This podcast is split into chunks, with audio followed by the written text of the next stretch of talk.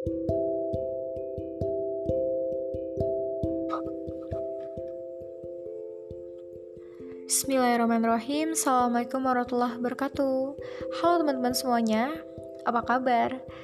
Nama aku Erni Dita Biasa dipanggil Erni Di sini aku gak akan panjang lebar jelasin tentang diri aku.